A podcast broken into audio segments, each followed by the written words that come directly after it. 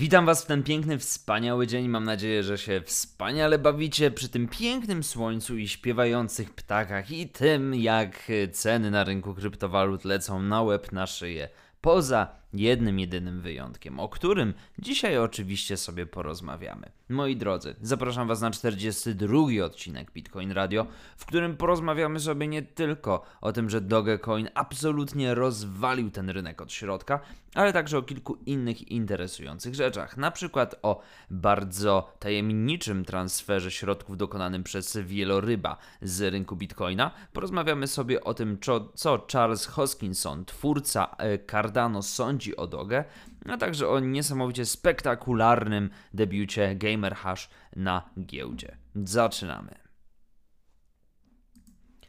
Przede wszystkim przegląd rynku, moi drodzy. Jeżeli możemy sobie tak przeskrolować jakiś, jakąś stronę, jakiś agregat kryptowalutowy, bardzo szybko i bardzo łatwo zobaczymy, że jest na rynku niezwykle wręcz czerwono. Bitcoin na czerwono, 11% w dół w perspektywie tygodnia, Ether 4% w dół, Binance 12, Ripple 20 i nagle Dogecoin. Dogecoin, który w ciągu 7 dni urósł o 450%, a w ciągu ostatniej doby o 20 aż. I twierdzi się, że ponieważ dzisiaj mamy 4 kwie... przepraszam, 20 kwietnia, no, czyli tą taką symboliczną datę 420, no to kolejne wzrosty Dogecoina prawdopodobnie teraz będą miały miejsce, ponieważ wiecie, mem. No. o co chodzi? Jak to się stało, że w ogóle zaczął Dogecoin znowu rosnąć i że to zaczął rosnąć jeszcze tak niesamowicie szybko? Pierwsza rzecz, o której warto porozmawiać, myślę, w tym kontekście, to to, że twórca Tesli Elon Musk ponownie zaczął tweetować o psiej kryptowalucie. Twórca Tesli, miliarder i znany biznesmen Elon Musk po prawie miesięcznej przerwie po raz kolejny tweetuje o Dogecoinie. Efekt kurs kryptowaluty rośnie. Co ciekawe, tym razem ekscentryk budował na swoim profilu napięcie z iście mistrzowską precyzją. O co chodzi, moi drodzy? Tym razem mieliśmy, um, że tak powiem, dość taki. E, taką serię wręcz tweetów poświęconą e, ostatecznie Dogecoinowi. E, Elon Musk wrzucił kilka, taką serię, można powiedzieć, tweetów dość tajemniczych, Jedna z nich była powiedzmy taką kombinacją kilku różnych emotek, które przedstawiały teleskop e, wskazujący czy patrzący na księżyc. Dalej mogliśmy zobaczyć również tytuł jakby znanej powieści e, pod nazwą Mały Książę, napisany po e, no nie, nie, nie po francusku, a może nie, nie wiem, nie wiem, nie wiem, Le Petit Prince, to, to, to chyba tak. No i oczywiście e, wszystko stało się wielkim takim finałem e, poprzez udostępnienie zdjęcia, na którym e, które Elon Musk podpisał, że podpisał dogę szczekający na księżyc. Po tej, o tej, po tej wielkiej kanonadzie tweetów rozpoczął się wręcz szalony wzrost kryptowalutowego psiaka, który, jak już powiedziałem wcześniej, wzrósł aż o 50, a aż o 500% do kapitalizacji, która jest w tym momencie na poziomie 50 e, już ponad miliardów dolarów, co efektywnie powoduje, że Dogecoin zajmuje w tym momencie piąte miejsce w rankingu kryptowalizacji, krypto, kry, kryptowalizacji, kapitalizacji kryptowalut. Niesamowite osiągnięcie ze strony żółtego psa. Mam nadzieję, że równie niesamowicie będzie. Um, równie niesamowicie będzie, chciałem powiedzieć, równie niesamowicie będzie, niesamowity będzie jego spadek, ale nikomu jakby tego absolutnie nie życzę, nie życzę. Natomiast pokazuje to po raz kolejny pewnego rodzaju, no wiecie, taki paradoks na rynku kryptowalutowym, bo nagle się okazuje, że e, jakby żółty pies, który jest śmieszny, który jest wesoły, jakoś tak, jakby to powiedzieć, no, po raz drugi rozwala nam rynek kryptowalutowy i dzieje się to w dużej mierze dzięki inspiracji jednego tylko człowieka. No, zastanawiam się, jak na poważnych rynkach e, finansowych czy kapitałowych taka sytuacja byłaby do dopuszczenia.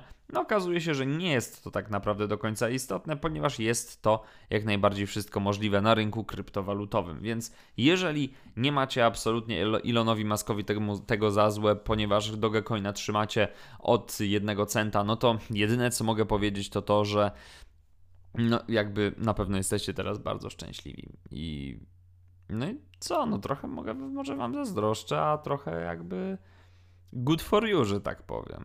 Good for you, zdecydowanie, moi drodzy. Możemy iść dalej w takim razie, bo tutaj pojawił się temat, temat Charlesa Hoskinsona. E, on powiedział, że Doge generalnie zaszkodzi rynkowi bitcoina. O co tak naprawdę chodzi? Już czytam. Chociaż Dogecoin wkroczył do świata kryptowalut jako żart, Hoskinson ostrzega, że wraz ze wzrostem ceny bez wątpienia tworzy się na nim nowa bańka.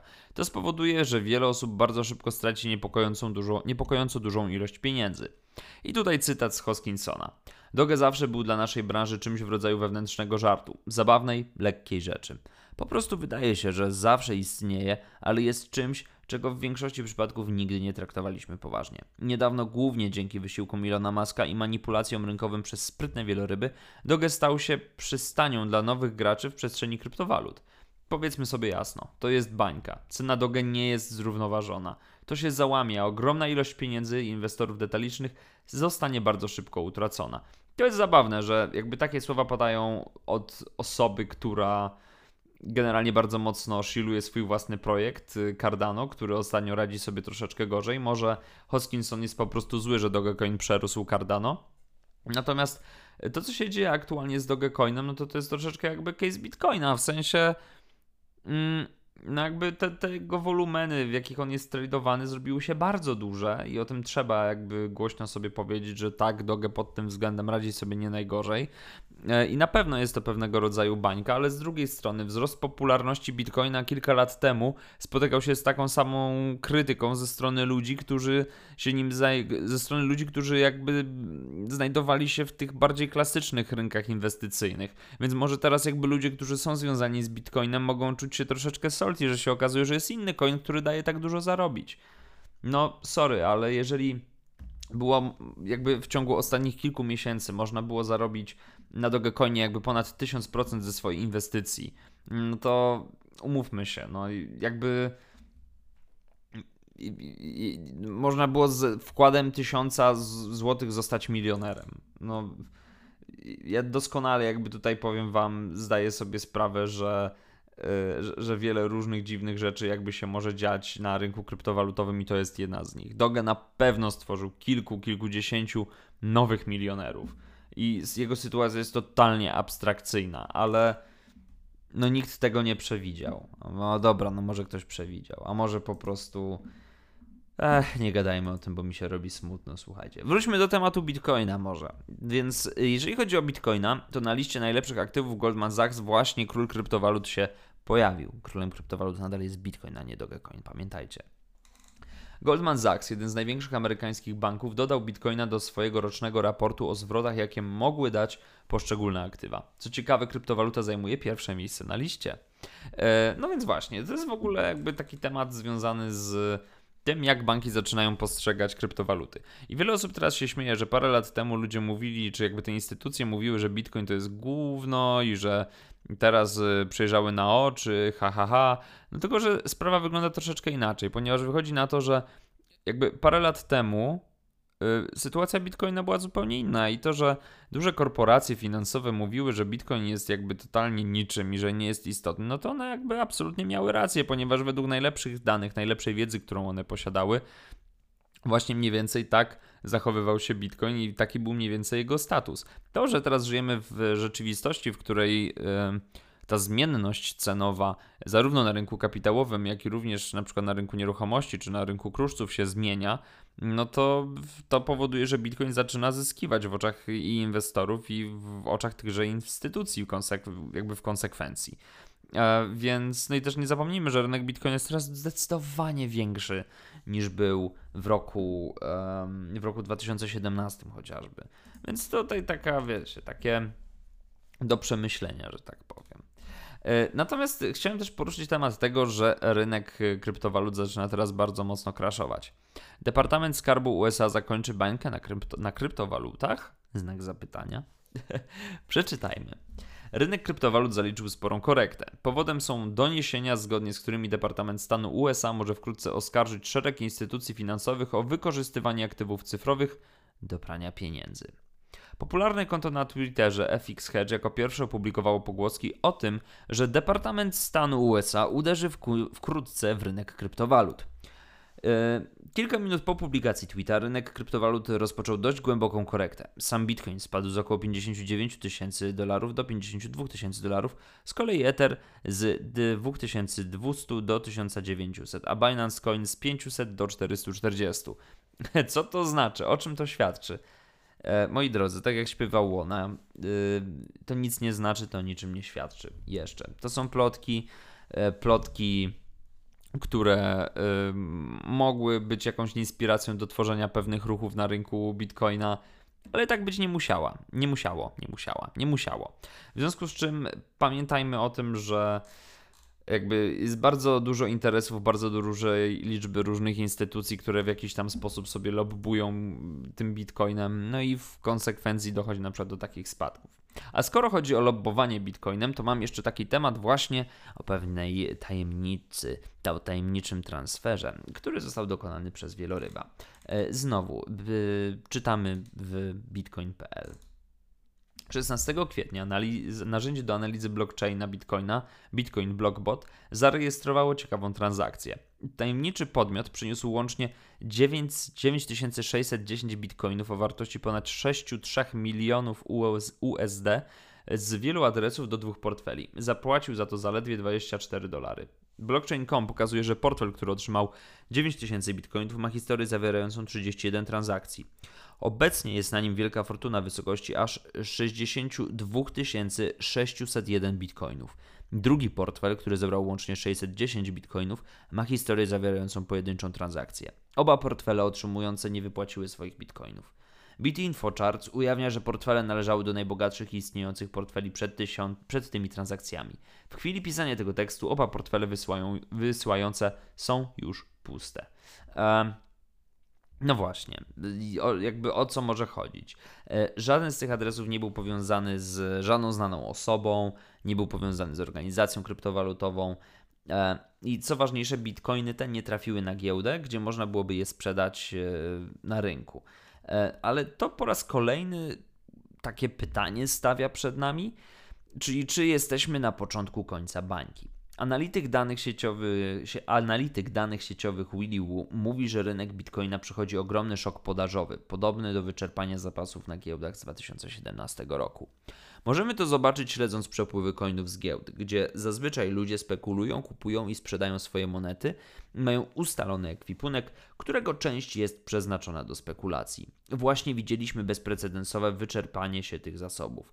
Jeżeli spojrzeć wstecz na Hosse 2017, widzieliśmy jak mieliśmy pięciomiesięczne wyczerpywanie się zapasów i to wystarczyło, aby popchnąć Hosse w 2017 roku do poziomu 20 tysięcy dolarów, z tego co początkowo wynosiło około 1000. E, no właśnie, więc y, pamiętajmy, że jakby raczej wszyscy mówią, że generalnie jesteśmy na takim etapie bardziej powiedziałbym wzrostowym, że to jest moment, w którym Bitcoin generalnie będzie pokazywał, jaki ton jest silny i że teraz w ogóle altcoiny będą pokazywały, że są jeszcze silniejsze i, i że ta cena się będzie w jakiś niesamowicie drastyczny sposób tutaj zmieniać i że my będziemy mieli okazję jeszcze mnóstwo zarobić na tych kryptowalutach. No chciałem powiedzieć, że to niekoniecznie musi być prawda. To niekoniecznie musi być prawda, może się okazać, że generalnie koniec y, tego cyklu wzrostowego jest bliżej niż dalej. A kto wie, może realia są takie, że on już się skończył, tylko jeszcze o tym nie wiemy. Więc chciałbym, żebyście wszyscy zachowali generalnie jakiś taki spokój wewnętrzny, że tak powiem, że dużo rzeczy się może po prostu na tym rynku jeszcze zmienić. No. Tymczasem przejdziemy na nasze polskie poletko, dobrze? Dobrze. Gamercoin zalicza spektakularny wzrost po debiucie na giełdzie. E, generalnie Gamercoin został zalistowany na BitHambie, co jest fajną rzeczą, jakby, bardzo, bardzo fajną rzeczą. E, spektakularny wzrost, który gdzieś tam się wydarzył, był związany, podejrzewam, że no w dużym mierze z tym, że jest to jakby gotowa, działająca platforma e, z całkiem sporą, zrzeszoną społecznością, która ma fanów, aż tutaj widzę e, ponad pół miliona, więc no, Gamercoin miał zdecydowanie tutaj pole do wzrostu. Z tego co się orientuję, cena, mm, po której można było kupić Gamercoina, Gamercoina mm, podczas ICO to był chyba jeden, to chyba było 10 centów, tak mi się wydaje, 10 centów. Natomiast po y, publikacji na, na BitHambie cena ta urosła, czy nawet gdzieś tam zaczęła się ocierać, czy nawet przekroczyła jednego dolara, więc to jest całkiem duży sukces. Także już o tym mówiłem ostatnio, natomiast powtarzam to po raz kolejny, bo warto o tym wspominać, bo jest to całkiem fajny case. No. Ale skoro mówimy o giełdach i skoro mówimy o ich coinach, i o coinach, które się pojawiają na giełdach, no to też warto wspomnieć o Binance Coinie. E, Binance e, Coin to jest oczywiście natywny token największej giełdy kryptowalutowej na świecie. E, odbyło się, słuchajcie, kwartalne spalanie tokenów BNB, gdzie spalono aż milion Binance Coinów. To jest takie, takie działanie, które Binance podejmuje, żeby ograniczyć podaż swojego coina, żeby zapewnić E, mu wzrost, e, wzrost wartości.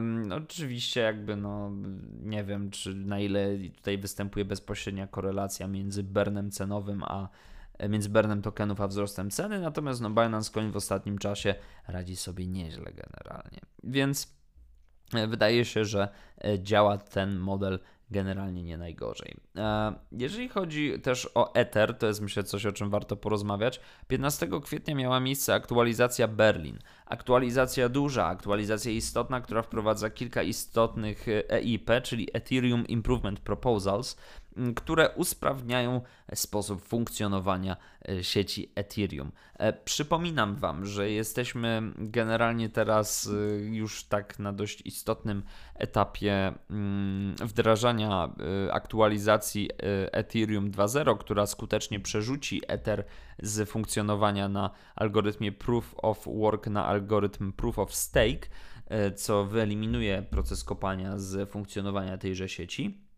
E, jest to proces, y, który się odbywa w kilku różnych fazach. Faza Berlin jest kolejnym istotnym przystankiem. Następna aktualizacja Londyn prawdopodobnie za kilka miesięcy. E, na bitcoin.pl znajdziecie artykuł, który w sposób dogłębny przekazuje informacje o tym, jak poszczególne aktualizacje przebiegały, jakie co za sobą niosą poszczególne EIP, które zostały w tej aktualizacji wprowadzone. Więc jeżeli jesteście zainteresowani tym, co się dzieje w sieci Ethereum, no to jak najbardziej jest to temat, jest to zagadnienie dla Was. Moi drodzy, y, jak już powiedziałem, słońce świeci pięknie za oknem, y, natomiast Bitcoin Radio kolejny odcinek dobiega końca. Ja serdecznie przypominam Wam o tym, że możecie wysyłać do mnie maile, jakiekolwiek tylko byście chcieli, y, na adres jędrzejmałpa.bitcoin.pl. Chętnie z Wami porozmawiam na temat tego, co, co się dzieje na rynku, co w trawie piszczy. Możecie własne przemyślenia również wysyłać. No i trzymajcie się, jak zawsze.